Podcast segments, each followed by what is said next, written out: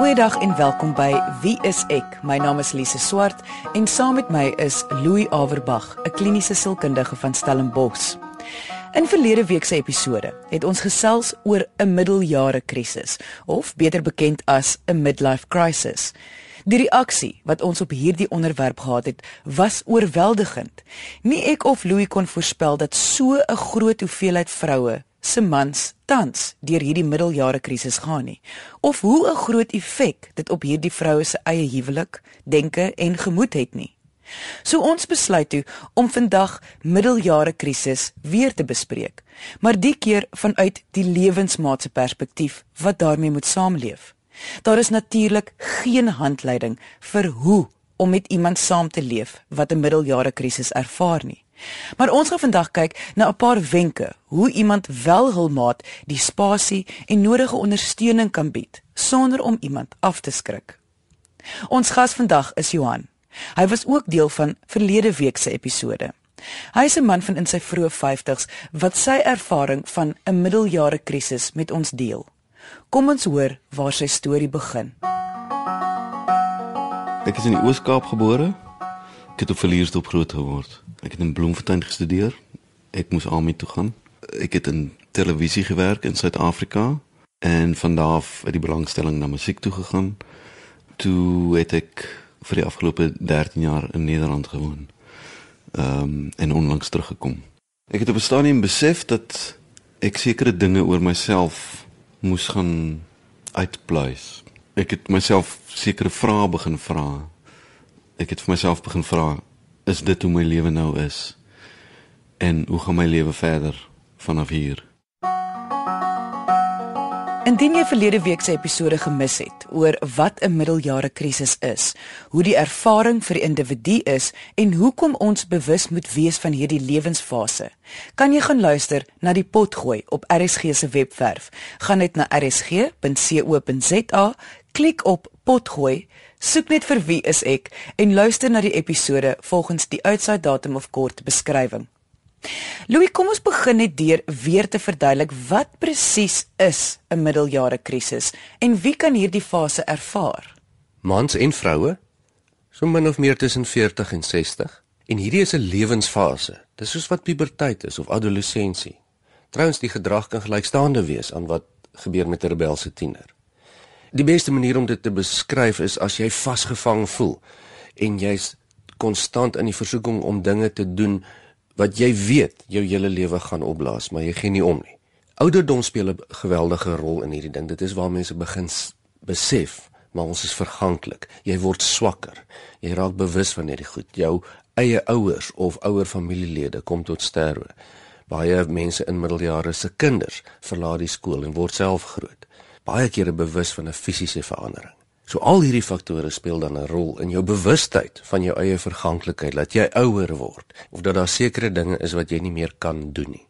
So is dit veilig om aan te neem dat indien iemand in 'n middeljare krisis is, hulle besig is om te verander of ten minste die druk ervaar om te wil verander. Ja, en daarom hoor jy gereeld vrouens sal sê ek ken hom nie meer nie. Of 'n man sal sê maar dit is nie die vrou met wie ek die afgelope 20 jaar getroud is nie. En daarom kan mens eintlik aanvaar dat as mens regtig volledig in so 'n situasie is, is jy dan eintlik met twee mense in 'n verhouding. Die persoon wat jy nog altyd ken en die nuwe persoon of die nuwe persoon wie hy of sy nou graag wil wees wat besig is om te ontwikkel. So jy, jy hoef nou nie 'n genie te wees om te kan insien hoe hierdie fase probleme kan veroorsaak vir die mense wat na aan hierdie persoon is nie. Nee, hierdie dinge kan enorme probleme veroorsaak en uh, ons praat weer eens van die tipiese klisjé wat daarom nou nie altyd die reël is nie van die 50-jarige man wat nou vir hom die 22-jarige sekretaresse kry en, en die vrou skry na 30 jaar en hy gee net eenvoudig nie om nie. Dis die tipiese klisjé, maar dit gebeur wel en van beide geslagte af in mindere of meerdere mate kan hierdie gedrag voorkom wat vreeslike probleme kan veroorsaak vir ander mense en vir jouself. Hierdie fase kan vir jou probleme veroorsaak by ander want jy is self die mekaar en jy kan ander mense die mekaar maak omdat jy self die mekaar is. Jy is mekaar want jou emosionele filters is onduidelik vir jouself. Dis vir jou moeiliker om rasionele en irrasionele gevoelens van mekaar te onderskei. Jy lees jou eie emosies verkeerd en jy lees ook ander mense se emosies verkeerd. Jy kan byvoorbeeld dinge meer ernstig opvat wat ander mense sê uh as wat nodig is. So jy kan indink dat dit ander mense affekteer. Jy luister na Wie is ek met Louie en Lise op RSG 100 tot 104 FM. Hoe kan jy seker wees wat jou lewensmaat tans ervaar is wel 'n middeljare krisis. Ek bedoel, baie van die briewe wat ons ontvang het na verlede week se episode was toe nie noodwendig 'n middeljare krisis nie, maar het meer geneig na goed soos byvoorbeeld depressie of uitbranding of angstigheid. So hoe kan jy verseker wees jy het nou wel te doen met 'n middeljare krisis? Ek dink daar's twee kernkomponente hier en die een is dat jy bereid is om dinge te doen wat jy wragtig vir jare nie nooit eers aan sou gedink het om te doen nie terwyl jy nou in hierdie ouderdomsgroep val. En jy's bereid sommer om daai gevolge te aanvaar. Maar die tweede deel hiervan is hierdie moet 'n baie lang patroon wees en ek praat van 'n paar maande. Dis anders as iemand wat byvoorbeeld sê nou maar 'n maniese episode ervaar vir 'n week of twee en die simpelste goed aanvaar hierdie is nie omdat daar 'n maniese fase is nie. Hierdie is iemand wat nou van identiteit wil verander en vir maande nou al skielik gaan gym ander klere aantrek, ander belangstellings kry en dan bereid is om nou die gevolge te aanvaar van die spot of die terg of wat dit ook al is. So as jy dit nou al sien vir 'n paar maande by jou man of vrou en dis nou duidelik hier en die poging is om anders te wees as wat hy of sy nou was vir die afgelope klomp jare dan kan jy seker dan nou min of meer aanneem dat dit darm 'n rol speel in jou lewensmaat se se lewe. En natuurlik die ouderdom, soos jy gesê het, mens moet darm net onthou dit moet dan binne te die ouderdom van 40 en 60 wees. Ja, jy kan nou nie hier praat van 'n middeljare krisis met iemand wat 10 is of 70 is nie. Dit is ander lewensfases waarmee ons dit doen het. Wat jy van ander mense sou moet verwag is 'n moeilike vraag omdat jy self die mekaar is. Die beste wat jy aan iemand kan vra is moenie my deurmekaarheid oorvat nie. So moenie laat my dinge jou deurmekaar maak nie. Miskien moet jy 'n stapie terugneem en vir my 'n bietjie ruimte gee en geduldig wees in plaas daarvan om teen te stribbel. Sou jy liewer net moet gesels en uitvra sonder om te involved te raak as jy iemand het wat jou kan ondersteun, miskien iemand wat deur dieselfde ding gaan, dan is dit vir my in elk geval lekker uh omdat ek 'n vriend het wat deur dieselfde ding gaan, dat omdat hy dit verstaan, sal hy byvoorbeeld as ek voel ek wil nie praat op daai dag nie, dan sal hy verstaan en op ander dae sal hy die skouer wees waarop ek wil huil. Goed, so indien dit wel 'n middeljare krisis is wat jou lewensmaat ervaar. Wat kan jy dan doen om een te verseker jou huwelik weerstaan hierdie lewensfase want soos ons weet baie huwelike sneuwel onder 'n middeljare krisis en twee om jou lewensmaat te ondersteun en die fase dalk te vergemaklik. Breedweg sal mens 'n paar aanwysings daarom gee. Die eerste een wat die heel moeilikste is, is om spasie te gee. En dis nie die lekker een om te hoor nie want baie keer is die eggenoot of eggenote of lewensmaat van die persoon wat in die middeljare krisis is betrokke by die redes van die middeljare krisis. Ek sê nie verantwoordelik voor nie, maar tog deel van soos wat mens saamleef. Byvoorbeeld 'n ongelukkige verhouding. Tweedens sal dit baie belangrik wees om nie etikette op hierdie ding te sit nie. Sê goed, jy is nou in 'n middeljare krisis. Of jy het nou 'n tipiese depressie. Dit maak mense verskriklik vies. Dink gou vir jouself as iemand jou in 'n etiket wil inding. Ja, jy gaan nou net deur 'n fase. Hoe rebels dit mens laat voel, nê. Nee. En dit sal natuurlik net petrol op die vuur wees omdat jy aankla teoreties in 'n rebelse fase is. Absoluut. En dan help dit ook nie eers om verder dan op simptome uit te wys nie. Met ander woorde iemand te gaan sit en mooi te sê luister ek het nou opgelees jy is in 'n middeljare krisis kyk al hierdie simptome nie. Mense sien dit gewoonlik net as kritiek. Maar wat mens wel kan doen is om die kommentaar te lewer op die negatiewe veranderinge. Byvoorbeeld, ek kan sien jy geniet nie meer die braai saam met Piet nie. Of ek kom agter jou vriendinne verveel jou ewe skielik en gewoonlik was dit vir jou lekker om saam met hulle te kuier. En hier kan mens begin moontlik van hier af vir jou lewensmaat aandui wat moontlike oplossings is. Byvoorbeeld, die loopbaan wat 'n teleurstelling is, die verhouding wat nie meer werk nie. Die vrou wat nou al vir 20 jaar in 'n maarrol vasgevang is en die kinders is uit die huis uit. Dis die tipe goed wat mens na kan verwys. En dis baie makliker gesê as gedoen, want onthou, hierdie lewensmaat van jou maak jou gek. Heel waarskynlik met sy of haar eienaardige gedrag.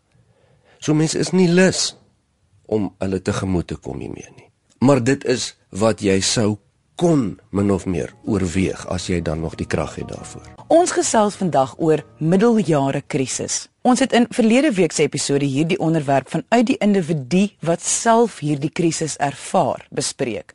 Maar as gevolg van 'n onverwagse reaksie hierop, het ons besluit om die onderwerp vandag bietjie verder te vat en te kyk na wat iemand te doen staan. Wat moet saamleef met iemand wat deur 'n middeljare krisis gaan?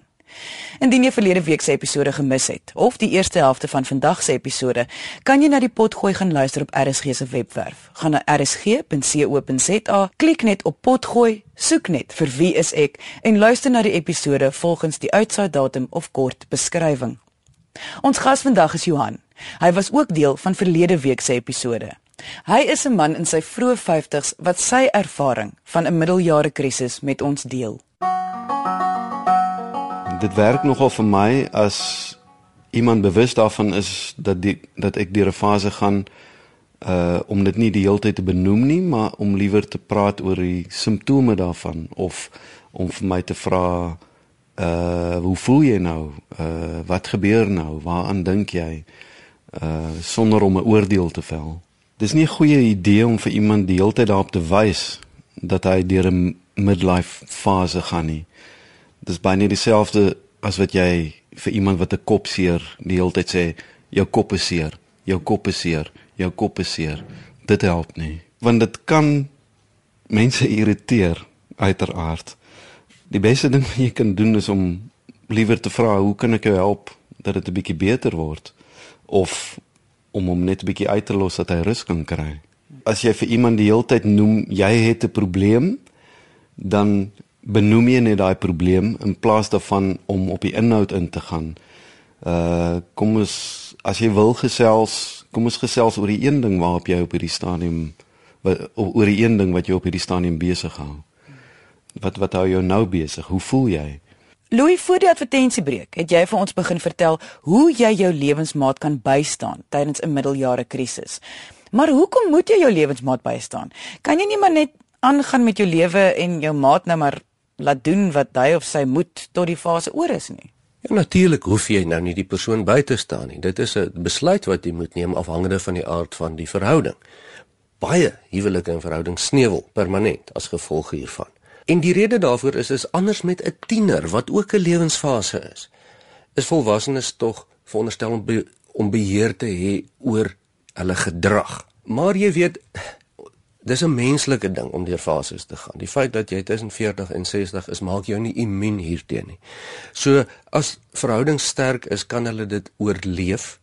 Maar jy is natuurlik heeltemal geregtig as jou man of jou nou vrou nou skielik hier met die jong bokkie weg is met die affair. Kan niemand jou kwaadlik neem as jy dit nie kan hanteer en dan skei nie min verhoudings kan so iets oorleef in elk geval. Maar gelukkig middeljare krisis gaan nie altyd net oor die extreme soos waar daar verhoudings en affairs kom nie. Baie keer is dit maar ontevredenheid en verwydering in die huwelik ook. Wanneer jy sê dit is goed om iemand die nodige spasie te gee om deur hierdie fase te gaan. Dit dit klink voor die hand liggend, maar ek glo nie dit is altyd so maklik nie. 'n Lewensmaat wat duidelik gaan voel hom of haar se maat is besig om te verander. Gaan mos dan juis wil klou aan dit wat was. Ek wil amper sê dit sal 'n natuurlike instink wees om liewer nader te beweeg aan die persoon as om wat jy nou voorstel meer spasie te gee. Dit is ontsettend moeilik en in praktyk is dit een van die dinge wat ek ervaar mense die meeste mee sukkel. En baie keer moet ek vir mense sê meneer, mevrou, Die enigste ding wat jy kan doen om hierdie huwelik dalk nog 'n kans te gee, is om wragtig nou spasie te gee. To back off om die term te gebruik. En ek weet dit is verskriklik maklik om te praat. Meeste mense kry dit nie reg nie. Het jy dalk vir ons 'n voorbeeld wat jy gereeld in jou praktyk sien waar iemand te in iemand se spasie is? Na 25 jaar getroude lewe kom man skielik agter dat vrou het 'n affair en probeer dan natuurlik om die ding uit te sorteer. Probeer met haar praat, probeer met haar redeneer. Uh maak voorstelle hoe hulle die verhouding kan herstel want hy wil dit nie verloor nie. En sy sê net vir hom man los my uit ek is dik vir jou of dis wat sy vir hom kommunikeer sonder noodwendig goeie redes. Die enigste wat hy dan kan doen in daardie opsig is om heeltemal spasie te gee. Nie omdat dit noodwendig so 'n goeie idee is nie, maar omdat dit die enigste moontlike opsie is van al die ander slegte moontlike opsies. Sodat sy bietjie deur hierdie fase kan kom as hy dan nie nou vir haar wil geskei het nie. En dit moet baie moeilik wees want dit sal mens paniekerig maak om iemand want jy gaan sou al voel jy is nou besig om hierdie persoon te laat gaan deur spasie te gee. Ja, en as jy nou nie veg hiervoor nie, gaan jy jou vrou of jou man verloor. En as jy spasie gee, gaan jy hulle mos nou verseker verloor. Dis juis die teenoorgestelde. Soos dit vir my klink, gaan dit nie maklik wees om iemand te ondersteun wat deur 'n middeljare krisis gaan nie. Nee, want dit forceer jou om jou gedrag te aan te pas. Jy moet verander. Jy kan nie aangaan soos wat jy gewoonlik het nie. Jy moet nou hierdie ding hanteer en dis aaklig. Jy het dit nie gesoek nie. En jy kan dalk self sukkel met 'n middeljare krisis. Jy weet, as jou man of vrou in 45 of 50 is, dan is jy dalk self ook min of meer daar. Is vir jou ook nie maklik nie. Menopause speel 'n rol, fisiese faktore. Maar hoe dit ook al is, hierdie kan 'n baie komplekse situasie veroorsaak. Ek glo die sleutel tot enige suksesvolle verhouding is kommunikasie. En ek wil amper sê in hierdie geval sal dit sekerlik die belangrikste aspek moet wees. Ja, dis baie makliker gesê as gedoen want onthou baie keer is mense dan nou baie vies vir mekaar. En partymal voel partye te nagekom in hierdie middeljare krisis. Maar ek dink die ideaal sal wees al hou ons dan nie meer van mekaar nie. Dan moet ons 'n kommunikasieproses forceer. Wat gaan ons doen? Al gaan ons dan skei. Maar jy kan tog nie met hierdie onsekerheid leef wat jy nou moet doen nie. As jou lewensmaat deur hierdie geweldige krisis gaan nie. Jy kan ook nie alles noodwendig aanvaar wat jou maat dan nou vir jou sê of dit so gaan bly nie want onthou dinge verander nou hy of sy verander sommer heeltyd. Dis baie moeilik. Ehm um, hoe dit my gehelp het is dat ek besef het dat daar nie een ding is wat my kan help nie of een mens wat my kan help nie of daar's nie een mens wat my kan red nie. Of wat ek besef het is uiteindelik moet ek dit oplos en hier deurgaan. En dit was vir my ondersteunend dat ek verskillende opinies gehoor het en ek het geneem wat ek kon neem en dit gebruik om myself verder te kry. Jy luister na Wie is ek met Louie en Lise op RSG 100 tot 104 FM. Jy noem nogal ekstreme voorbeelde. Eh, kommunikasie sal natuurlik ook belangrik wees selfs al is dit op 'n mindere graad. Iemand is miskien net 'n bietjie meer afwesig of meer geïrriteerd binne in die fase. Dit hoef nie altyd net ontrouheid te wees nie. Natuurlik nie. Ek glo wel dat kommunikasie of dit nou in 'n groot krisis is of 'n klein krisis altyd geforseerd moet word as dit dan nie vrywillig is nie in 'n verhouding waar mens saamleef. Dit is 'n kontrak waaruit mens nie veronderstel is om uit te kan kom nie. En natuurlik praat mens altyd mooi en vra jy sag aan die begin. Maar as jou lewensmaat nou na 'n 6 maande met die verhouding besig is nog steeds nie met jou gepraat het oor wat aan die gang is nie, dan forceer jy kommunikasie al is dit deur die vorm van prokureursbriewe. Jy kan tog nie ook doelloos rondsit en nie weet wat hoe jy jou eie lewe kan beplan nie. Want dis amper nou maar die eenvoudigste of die beste bousteen om hierdeur te kom. Hoe anders gaan jy as jy nie kan kommunikeer oor die ding nie? Maar wat doen jy as jou lewensmaat hom of haarself dalk isoleer tydens hulle middeljare krisis. Ek bedoel, hoe kan of gaan jy 'n kommunikasie kan behou? Jy kan in uiterste gevalle natuurlik nie vir mense dwing om met jou te kommunikeer nie, maar jy kan wel met hulle kommunikeer. Al praat hulle nie met jou terug nie. En weer eens sê ek in uiterste gevalle is dit dan net maar deur 'n prokureursbrief of 'n dreigement as jy nie met my praat nie, gaan ek die huis verkoop of wat dit ook al is.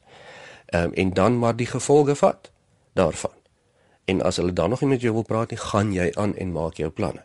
En dit kom seker ook terug na wat jy vroeër gesê het van jy moenie iemand noodwendig aanvat oor wat hulle verkeerd doen of anders doen of so nie. Dit gaan ook oor hoe jy dan met hulle kommunikeer, selfs al kommunikeer hulle nie terug nie. Ja, want die blameering en, en die uh, verwyte al of dit nou geregverdig is of nie gaan in elk geval nie werk nie. Dit voel al hoe meer vir my dat mens nie alleen deur hierdie fase sal kan kom nie.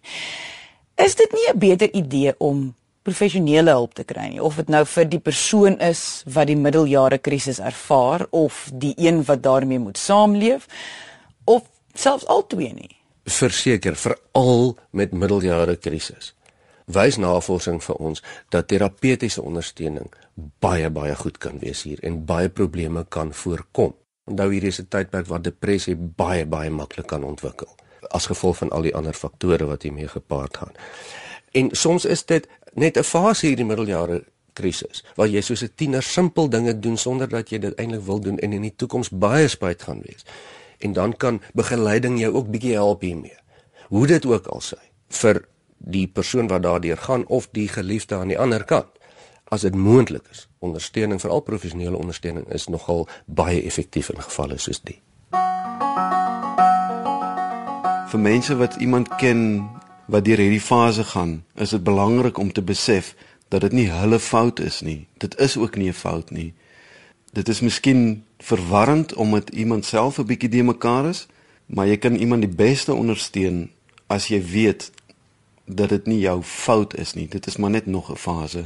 Wat my die meeste gehelp het in hierdie proses is ondersteuning van mense wat direk met my was, maar ook van mense wat meer empatie of simpatie gewys het. Daar was mense wat 'n skouer was om op te huil. Maar daar was ook mense wat vir my gesê het, "Miskien moet jy met 'n psigiater gaan praat." Mense wat vir my gesê het, "Ons is lief vir jou, maar gaan deur jou journey. Ons ondersteun jou." Mense wat vir jou sê, "Dis nie die allerslegste ding in die wêreld nie. Miskien is dit juis goed dat jy oor hierdie goed dink. Ons vertrou dat jy right gaan wees." sien jy dat hierdie fase nogal kompleks kan wees? Wat is jou laaste gedagtes vir die dag hieroor? Goed, daar's geen spesifieke reëls nie, maar hier is 'n paar gedagtes wat mens miskien kan oorweeg. Die eerste ding is, moenie die verandering in jou maat persoonlik opneem nie. Dis nogal 'n ironie. Dit het, dit het eintlik niks met jou gewoonlik te doen nie. Dis nie persoonlik nie, al voel dit so. En dan weer daardie ding van die spasie. Dis baie moeilik, maar gee soveel spasie as wat jy kan. Jy het nie veel om te verloor nie, al voel dit so. En probeer maar half in jou agterkop dat hierdie fase van verandering is. Dis nie noodwendig altyd 'n krisis nie, nê? Verandering is nie altyd 'n krisis nie. Dis dalk kan dalk bietjie stormagtig wees en dan kan dit weer miskien iets goeds tot gevolg hê. Soos die vernuwing van die huwelik. En daarom kan jy dit partymal selfs miskien as 'n geleentheid sien dat hierdie 'n moeilike tyd is, maar ons kan die verhouding dalk bietjie beter maak hier uit. En probeer maar aanpasbaar wees, jy weet, of dit nou regverdig is of nie, dit is baie moeilik. Jou huweliksmaat in 'n regte gemiddeljare krisis weet self nie wat hy of sy van hom of haarself verwag nie. Maar dan die laaste punt hier, jy hoef nie in te gee om misbruik te word nie en te vat net wat na jou kant toe kom eh, om verneder te word in openbaar of om sleg behandel te word nie. Jy mag natuurlik jouself ook beskerm. Jy jy moet, jy hoef nie die willose slagoffer van 'n middeljare krisis te wees nie en jy moet ook nie. En dis waar die kommunikasie in inkom wat later saam met gedrag gaan. Indien jy enige vrae het oor vandag se onderwerp, kan jy ons kontak via ons webwerf. Dit is wieisek een woord .co.za of kom gesels saam op ons Facebookblad onder Wie is ek met Louie en Lise. Baie dankie aan Johan dat hy sy storie met ons gedeel het en dankie aan jou dat jy vandag ingeskakel het. Ons maak weer so volgende Vrydag 0.30 net hier op RSG. Jy moet 'n heerlike naweek hê en onthou, kyk mooi na jouself.